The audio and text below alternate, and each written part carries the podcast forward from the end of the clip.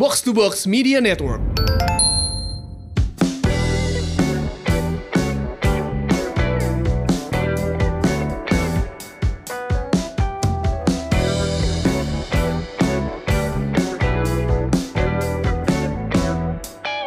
Hai Semurians, welcome back. Ini dia podcast Semur Sehat Makmur.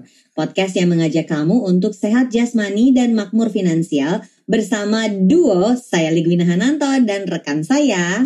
Halo, ada saya FX Mario. Nah, hari ini kita mau bahas sesuatu yang lagi hits banget. Lagi rame. Pokoknya kalau lagi rame kita, Kita semurkan. Piggyback aja. Iya. Eh, mungkin Semurian udah pada lihat eh, dan ini kayaknya nggak pertama kali ya em, reaksi netizen eh, yang eh, marah-marah lihat gerombolan orang naik sepeda. Istilahnya peloton. Ah, istilahnya poton. Eh, kemarin itu ada satu foto gerombolan orang naik sepeda, terus kemudian di depannya ada em, Motor. motor Hmm. noleh ke belakang ngasih jari tengah. Ya. Terus reaksinya tuh orang tuh kayak yang ya gitu. sekesal itu Ah, gitu, ah, ah, ah, ah, sekesal itu. Nah, gue gue merasa oke, eh, iya sih emang suka ada rasa kesal, tapi kan Ya. harusnya nggak gitu ya. Maksudnya ah, ah. gue bukan membela si peloton itu tapi bukankah gerakan bersepeda itu gerakan yang Motor bagus yang baik. Iya, iya, iya, Nah, iya. Gue juga menikmati naik sepeda. Bukan so bikin balancing sih tapi gue gue pengen pengen ngobrolin aja. Soalnya kayaknya kalau dibahas di twitter tuh malah akhirnya harus pro atau harus kontra gitu. Nggak Ya. sih di tengah-tengah gitu. Iya, iya, iya. hari ini kita punya seorang tamu yang spesial. Ada Mas Toto Sugito. Hai Mas Toto Hai Marina, hai Mario, apa Mas kabar? Toto ini kalau kalian ngikutin orang lama di dunia sepeda ya Mas? Lama banget. Mas Toto tuh dulu terkenalnya adalah eh, gerombolan bike tour. Bike to work. Yes. Rombolan Masih Cibrat. Mas, kelas berat banget. Masih Mas bike tour. Ya masih cuman eh, frekuensinya berkurang karena sering, lebih sering work from home. Hmm. Nah ya karena udah di WFH sekarang ya. Mas Ya. ceritain dong eh, dulu tuh sampai akhirnya Mas Toto dikenal sebagai em, pentalannya bike tour tuh kayak apa sih Mas? Kayaknya kita masih ingat ada sepeda yang ada kuning-kuningnya gitu kan kalau Hmm, ingat nih ya. Dulu apa sih ceritanya Mas sampai akhirnya dikenal jadi eh, bagian dari bike tour? Eh, jadi dulu itu tahun 2004 itu eh, kita penggemar sepeda gunung sebenarnya. Mm-mm. kita komunitas sepeda gunung itu mencoba eh, apa me- meng- mengurangi kemacetan artinya juga mengurangi polusi di Jakarta karena saat itu aja udah tumpek banget kita lihatnya kan sementara kita kalau weekend kita m- sangat menikmati udara segar di pegunungan Nah, kita mainnya di mountain bike Kayak soalnya. Hmm. Nah, lalu 2004 tuh mulai tuh eh, teman-teman sepeda gunung eh, dari komunitas JPG dan komunitas MTB Indonesia. Tapi saat itu baru 150 orang yang ikut. Banyak loh. Terus, iya eh, eh, waktu itu start di Sampurna Building yang sekarang eh, namanya apa ya? Eh, dulu Danamon ya. Udah namanya. Sekarang sempurna strategik ya. Eh, itu kan di pedestriannya lebar tuh kita Iya. situ. Nah sejak itu setiap minggu kita eh, melakukannya secara rutin gitu, Eh, setiap hari Jumat biasanya. Hmm. Nah terus gitu kita lakukan sambil eh, kita membawa pesan di sepanjang Sudirman Tamrin misalkan nih kita bawa tulisan eh, Bintaro Kuningan satu jam saja. Gitu. Terus ya model-model itulah yang yang mencoba mengajak masyarakat supaya pelan-pelan meninggalkan kendaraan pribadinya untuk beralih ke sepeda. Ya. Itu terus sampai di eh, akhir eh, tahun itu kan bulan Agustus tuh. Di akhir tahun itu eh, saya bilang sama teman-teman semua bahwa kita kalau gini-gini aja ngapain ya nggak nggak akan ada eh, hasil apa pun nih kalau kita gini terus Dari kampanyenya. Eh, ayo dong kita bikin satu yang lebih serius gitu kan kita cita-citanya punya jalur sepeda di Ya. Jakarta dan kota besar lainnya Oh dulu cita-citanya itu ya Mas ada jalur sepeda. ya ya seperti di Eropa di Amerika Hmm. gitu kan nah eh, setelah saya ngomong gitu eh, dibentuklah formatur ada tiga orang saya terus ada tekad, ada Taufik, tiga orang ini yang uh, uh, cikal bakal untuk membentuk uh, organisasi Bike to Work Indonesia. Ya. Uh, 2005 kita terbentuk tuh satu organisasi dan saya menjadi ketua sekaligus memang co-founder dari Bike to Work uh, Indonesia. Itu Bike to Work itu sebenarnya gerakan moral ya, bukan Ya. satu klub atau organisasi yang eksklusif enggak enggak. Uh, justru saya menekankan kepada teman-teman dari awal kita kampanye itu kita nggak boleh menjadi eksklusif. Kenapa? Karena prinsip saya suatu yang eksklusif itu tidak langgeng. Mhm. Jadi padahal kita punya cita-cita yang jauh ke depan. Jadi eh, kita harus inklusif, harus menggandeng masyarakat siapa pun dia, apa pun sepedanya gitu ya. Mhm. Nah, ya contohnya misalkan kalau kita lagi bersepeda terus ketemu tukang sayur, tukang somai, tukang Ya. koran, Mereka berdua. Ber- iya, iya mereka bike forward kan. Ya. Ah, ah, ah. Mereka Jadi- bukan bike to work lagi, mereka bike forward. Ya, gitu. Jadi kita bertegur sapa gitu, selamat pagi Pak, selamat siang Pak. Gitu. Awalnya mereka kaget gitu, lama-lama terbiasa gitu dan eh, saya bilang bahwa mereka adalah bagian dari kita, mereka adalah Oke. saudara kita. Nah, dan akhirnya alhamdulillah eh, semakin eh, tersosialisasi dibantu teman-teman media dan ya sampai sekarang lah terjadinya seperti ini dan saya sejak 2016 eh, saya pensiun jadi ketua karena Hmm. udah kelamaan dan saat itu eh, saya sama Mbak Wina dulu membela seseorang baik yang Sebutlah. Aduh, campaign buat Pak Ahok ya. iya. nah, untuk menghindari bahwa saya bawa-bawa komunitas dalam I see, benar. Ah, terus udah mendingan saya eh, udahlah saya resign aja. Bukan resign tapi saya pensiun lah. Gitu ceritanya. Sehingga saya sekarang eh, ya saya malah sekarang mencoba untuk tidak attach dengan Baiko karena takut ya kalau nanti misalkan saya eh, harus eh, pingin terlibat lagi untuk membela seseorang baik yang lebih baik lagi kan Ya. repot. Nah, tapi kan semangat bike to work-nya tuh menurut aku eh, tak lekang dimakan zaman gitu ya Mas Tok ya. Ya, Jadi ya. kita ngajak Mas Toto ngobrol hari ini terutama untuk ngebahas si sepeda ini. Mhm. Um, aku tuh sempat sepedahan yang agak sering um, sebelum pandemi. Mhm. Uh, aku punya sepeda lipat dan dipakai yang dekat-dekat aja sih di sekitar di sekitar rumah. Aku di daerah Kemang. Jadi misalnya Mhm. mau mau yoga gitu. Jadi aku tinggal ba- pakai bawa ransel terus berangkat deh pakai sepeda dan ini pernah kita bahas juga ya Mar di Ya, di ya. podcast.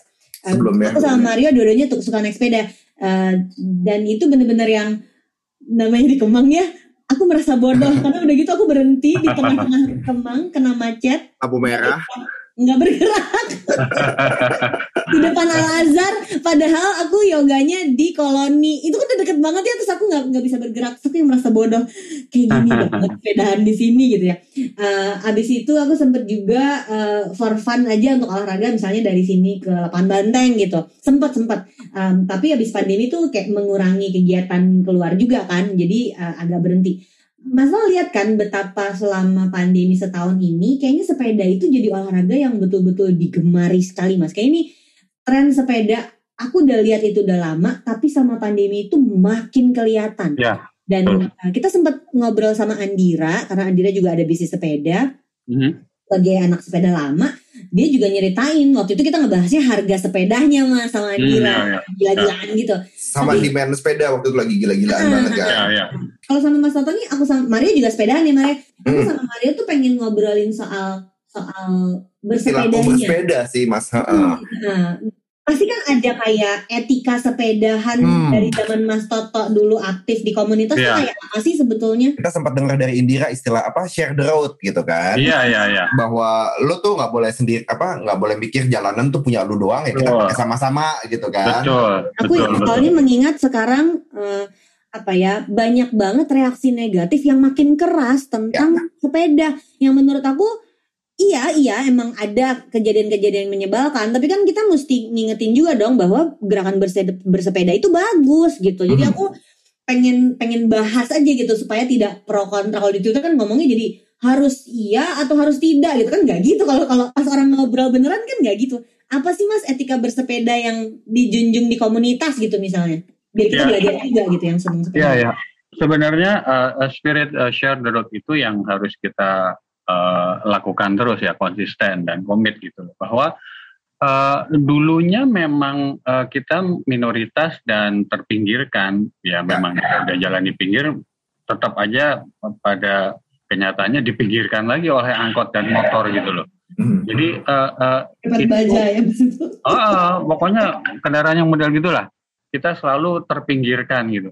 Dan tapi kita sadar diri bahwa memang eh, sepeda itu eh, mempunyai kecepatan yang paling rendah di jalan raya, ya. Jadi kita tahu diri ya, kita harus di pinggir. Udah di kiri ya harus paling kiri gitu loh. Iya, iya. Nah, eh, spirit itu yang kita terus eh, lakukan sampai sekarang ya Hmm. sehingga alhamdulillah eh, jalur sepeda bisa terrealisir walaupun banyak pro dan kontra juga. Nah, pandemi sepeda eh, yang terjadi bukan pandem, eh, bukan eh, COVID-19 lagi, tapi kami menyebutnya pandemi sepeda. Pandemi sepeda. Ya, karena banyak banget gitu. Kita ju- saya juga kaget saat itu. Ih, Waduh, banyak banget nih, udah kayak jamur atau apa semua Bener-bener. ada Hmm. gula gitu banyak banget gitu Eh, dan ya tadi harga sepeda yang luar biasa Eh, banyak importir dadakan gitu ya Hmm. di satu sisi mungkin eh, ada yang dirugikan tapi eh, kami melihat sangat bahagia gitu ya Betul. lalu eh, sempat eh, diskusi banyak dengan Bike Work gimana caranya supaya yang banyak ini termaintain jadi Eh. bukan hanya tren Bentar doang betul. Ini Andira kayaknya terakhir bahas Iya, itu juga Indra- ya. Andira juga uh, bahas gitu concern dia adalah bagaimana bikin yang tadinya sekarang tren jadi sustainable gitu kan. Hmm. Hmm, hmm, jadi ya, itulah yang banyak itu eh, kalau bisa setiap kali kita lihat di jalan-jalan gitu ya, Hmm. tapi tentunya dengan tertib lalu lintas gitu ya, punya punya adab untuk bersepeda yang sejak dari awal lah eh, ya, eh, kita coba lakukan itu. Tapi kan eh, sekarang kan pandemi itu kan eh, banyak sepeda baru, pesepeda baru, terus eh, ya apalagi sekarang kalau kita eh, to the point bicara masalah road bike. Ya ini satu apa ya kayak genre baru gitu ya. Ya, soalnya kan kalau ngeliat dari Mas Toto kan Mas Toto bersepeda untuk commuting ya Mas ya. Sementara Iya. ini kan geng uh, road yang dibilang geng road bike pelotonan yang bikin sebel orang ini katanya cuma karena mau olahraga doang tuh jadi kayak dibilang ah lu cuma karena mau olahraga ngorbanin yang lain gitu kan sebenarnya kan. Eh, ya awalnya saya lihat gitu, Eh, apa namanya hanya tren ya. Heeh. Tapi sembari saya berdoa mudah-mudahan hanya tren. Tapi ya itu, saya eh, sejak eh, tahun 2000 berapa ya? 2017 apa 2016 gitu saya memulai road bike dan ternyata enak gitu ya. Gue jadi pengen nyobain kayaknya mah dari yang pendek. Enak, gampang diarahkan. Dan eh, eh, ya kalau saya compare dengan mountain bike tuh kita harus bawa sepeda kita ke puncak, Heeh. ke, ke Sentul ke mana gitu. Heeh. Terus pulangnya macet itu benar-benar wasting time. Heeh. Tapi kalau kita road bike kita udah keluar rumah kita langsung goes ke mana ya. ya dengan speed yang lebih tinggi sehingga eh, distance yang kita tempuh bisa lebih jauh gitu. Jadi eh, benar-benar kita menikmati olahraga, menikmati bersepedanya, dan semua lah. Nah, jadi sa- saya ngalamin commute, com- commute eh, cyclist dan saya sekarang menikmati road bike. Saya seminggu tiga kali, Selasa, Kamis, Sabtu. Oke.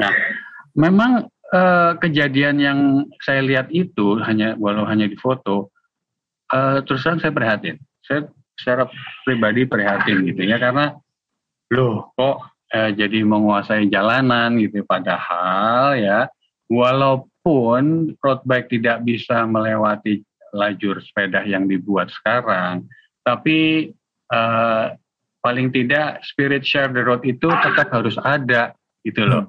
Bahwa kita pesepeda itu eh, eh, di jalan raya tuh eh, termasuk yang saya bilang tadi eh, terpinggirkan. Dan sekarang tidak terpinggirkan karena ada jalur sepeda. Tapi road bike tidak bisa lewat jalur sepeda. Nah jadi ya ya ya di pinggir tetap di pinggir lah di sebelah kiri. Karena tetap motor lebih kencang.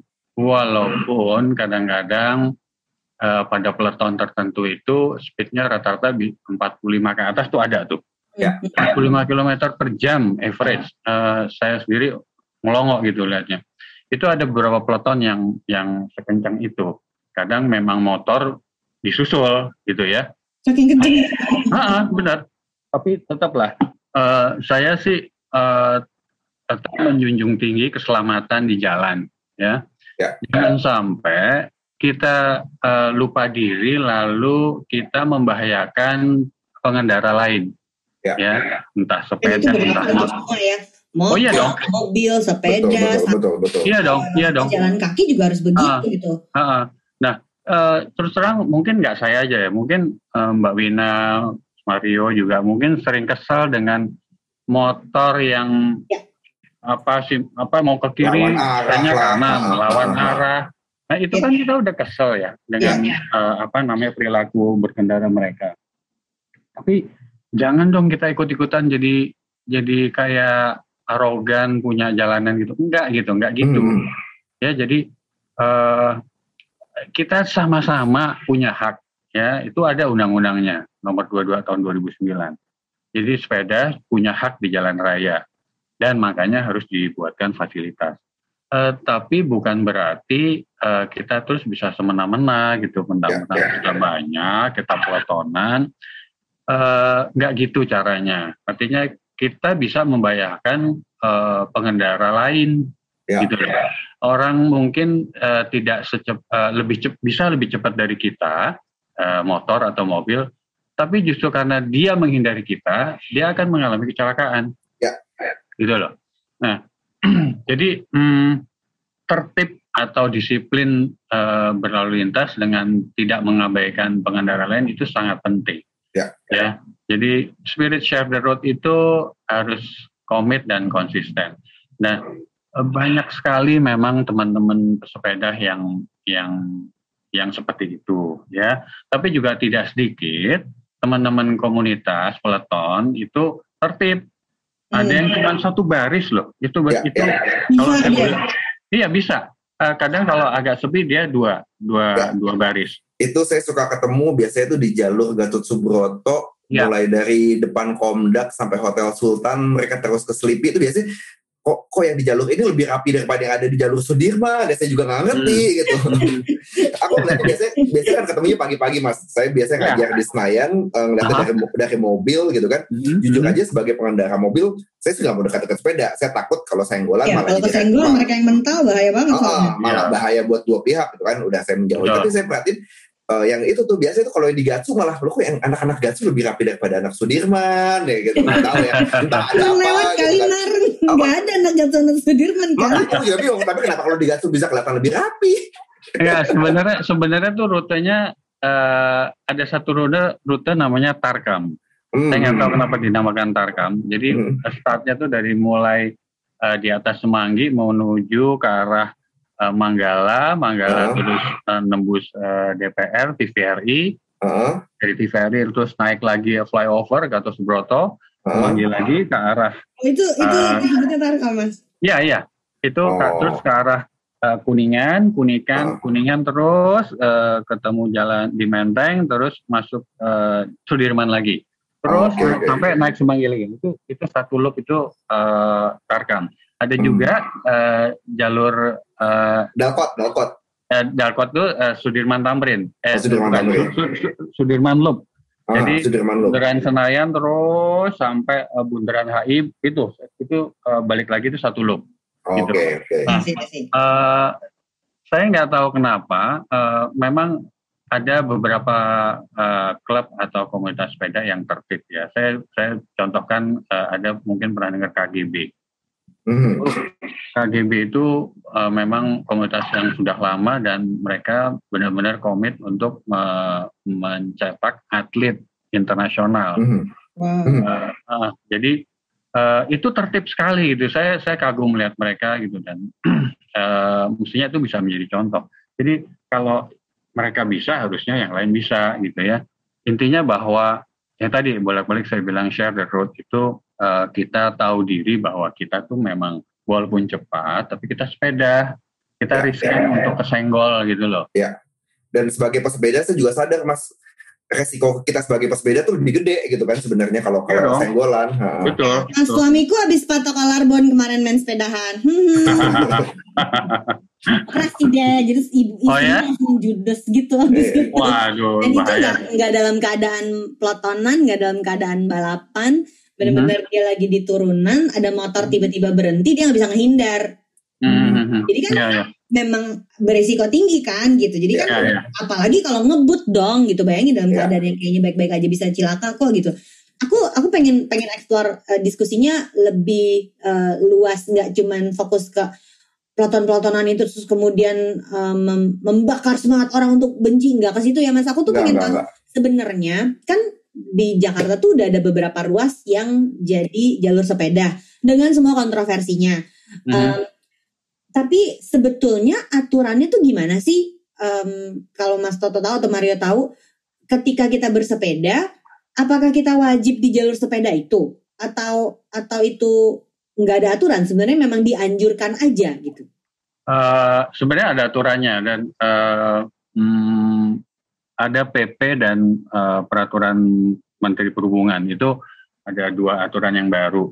Oh, Tapi gitu tapi uh, kembali lagi ya, uh, pertama saya mau cerita bahwa jalur sepeda itu memang untuk commute bike. Artinya bahwa maksimum kecepatan di situ 25 km per jam. Oke. Okay. Bayangkan ya, cuman uh, kurang lebih satu meter ya, satu meter lebih lah. Nggak mungkin dilewati, katakanlah peleton ekstrimnya ya. Nggak hmm. mungkin, karena mereka itu rata-rata kecepatannya di atas 25, 30 sampai 40 lah. Jadi masuk akal kalau mereka tidak di jalur sepeda kan? Iya, iya. Karena bahaya uh, untuk apa sepeda lain. Tapi itu pun ya komitmen masing-masing itu memang kita bersepeda di jalan raya katakanlah Sudirman itu uh, maksimum sampai jam 8 pagi. Kita mulainya jam 5 okay. pagi ya. Jadi uh, harapan kita uh, uh, pengguna road bike itu memang sesedikit mungkin mengganggu pengendara lain. Okay. Tapi kalau udah mulai di atas jam 7 itu mulai banyak mobil dan motor.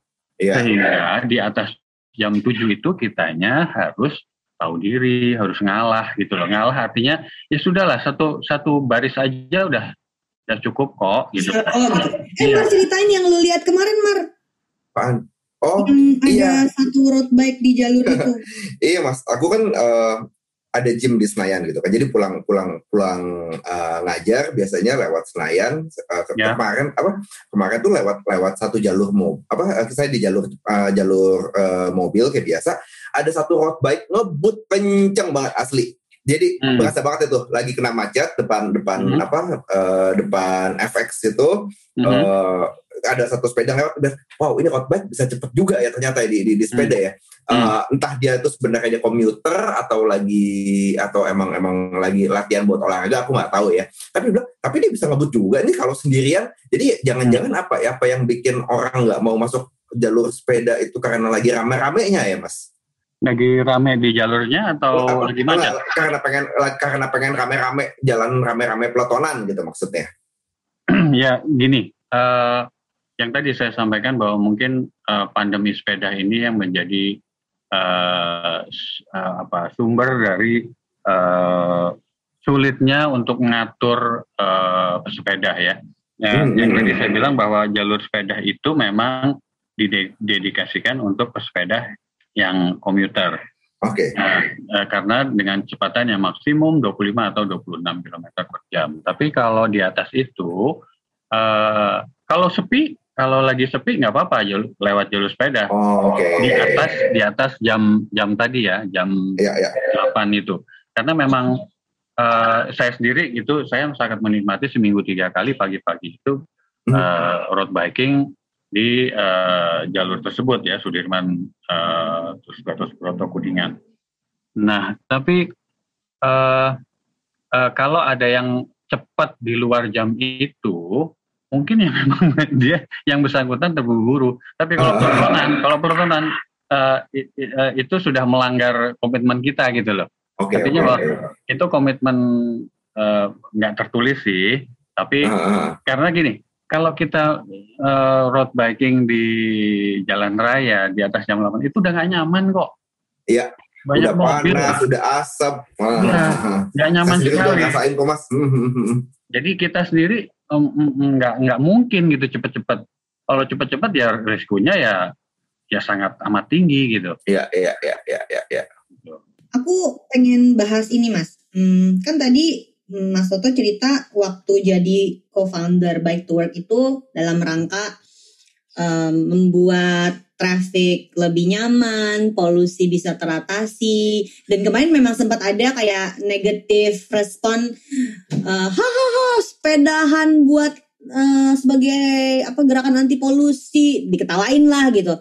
Uh, aku melihatnya long run-nya kan memang harusnya ke sana kan ya. Uh, itu yeah. sih uh, omongan orang di medsos aja yang ngetawain, tapi memang nggak nyambung gitu ketika orang sebel lihat pelotonan dijawabnya uh, anti polusi menurut aku nggak nyambung karena kan anti polusi maksudnya yang commuting dong hmm. tapi untuk bisa ke sana aku ngeliat ini kan long run dan jauh banget ya perjalanannya what hmm. does it take untuk kita what does it take for us to become a bike friendly city uh, basically gimana caranya biar orang-orang Jakarta ini sekarang ya sebenarnya dengan work from home bisa ya. Gimana caranya buat orang-orang Jakarta ini um, meninggalkan mobilnya di rumah gitu loh. Uh, biar sepeda ini jadi bagian dari budaya dan commuting naik sepeda itu menyenangkan. Apa sih sebetulnya yang kita butuhin? Uh, sebenarnya gini masyarakat kita sangat minim pengetahuan mengenai global warming climate change ya. yang mana sebenarnya uh, sangat amat uh, berbahaya untuk anak cucu kita ya kalau kalau nanti misalkan misalkan mestinya ada uh, pelajaran itu di sekolah dari mulai SD. Karena gini, kita kan melakukannya ini, kita berkorban tanda kutip uh, dari mulai 2004, 2005 sampai sekarang itu kan sebenarnya ya bukan buat kita, tapi buat anak cucu kita. Dan uh, nggak melulu harus naik sepeda kok. Iya, betul. Ya, tapi bagaimana sekarang kita mengoptimalkan uh, fasilitas kendaraan umum massal yang sudah lebih baik lah. Ada MRT, ada busway, ya, ada ada uh, keretanya KRA sekarang jauh lebih baik loh. Ya, Terus ya. sebentar lagi ada LRT. Nah, LRT. Uh, jadi sebenarnya sepeda itu adalah salah satu sarana untuk uh, feeder daripada kendaraan umum massal tersebut. Oke. Okay. Ya, nggak yes, melulu nggak melulu kita harus naik sepeda sejauh-jauhnya. Makanya uh, apa jalur pemerintah uh, jalur itu harus terintegrasi ya, hmm. ya dengan dengan kendaraan umum massal itu yang kita kampanyekan dari dulu bahwa uh, percaya nggak tahun 2009 2007 atau 2009 itu kita baik dua pernah diajak kerjasama dengan Dinas Perhubungan DKI untuk membuat master plan jalur sepeda. Saya masih punya filenya hmm. dan nggak dipakai. Bayangkan, hmm. itu kan satu proyek ya buat mereka. Buat kita kan itu satu harapan. Ya.